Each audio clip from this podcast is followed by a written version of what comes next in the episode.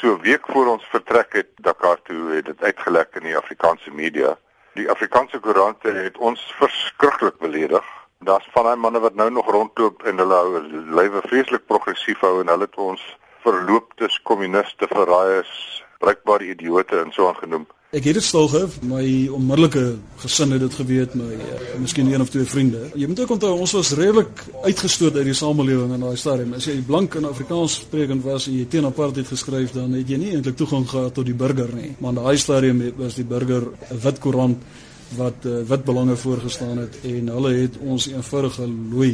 Ja, en die regering het ook 'n klomp uh, lawaai gemaak. Therefore, the government will have no choice but to consider taking certain steps to prevent South Africans from becoming further victims of this process. These steps will include, inter alia, the following. Firstly, the consideration of stricter control with regard to the issuing and renewal of passports for South Africans who elaborate with South Africa's enemies. A passport is not a right. A passport is a privilege.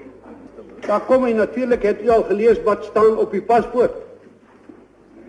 Op die paspoort van hierdie land staan dat in die naam van die staatspresident van Suid-Afrika beweeg hy buite aan die grense van die land en vra die hoof van hierdie regering en van hierdie land beskerming vir daai persoon. Maar hulle het ons nie gearresteer nie, hulle het ons nie gekeer nie, hulle het nie ons paspoorte gevat nie en het ons toegelaat en ek dink daar's mense in die regering wat gesê het kom ons kyk hoe werk hierdie ding uit. Ons wil ook weet wat gaan aan in die hart van die ANC. Maak is reg dat daar van ons was ek onder andere wat gedink het die data safari is nie 'n slegte ding nie.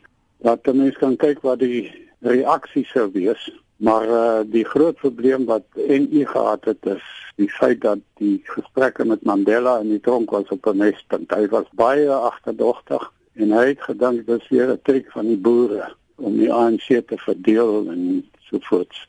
Harold Parkendorf het eh, kom praat met en nie in die persoon van Mike Low. Die was in die moeilike posisie dat hy kon nie verwys na die gesprekke met Mandela nie, want dit was te baie geheim. Maar uh, uiteindelik het dit nie sleg uitgewerk nie.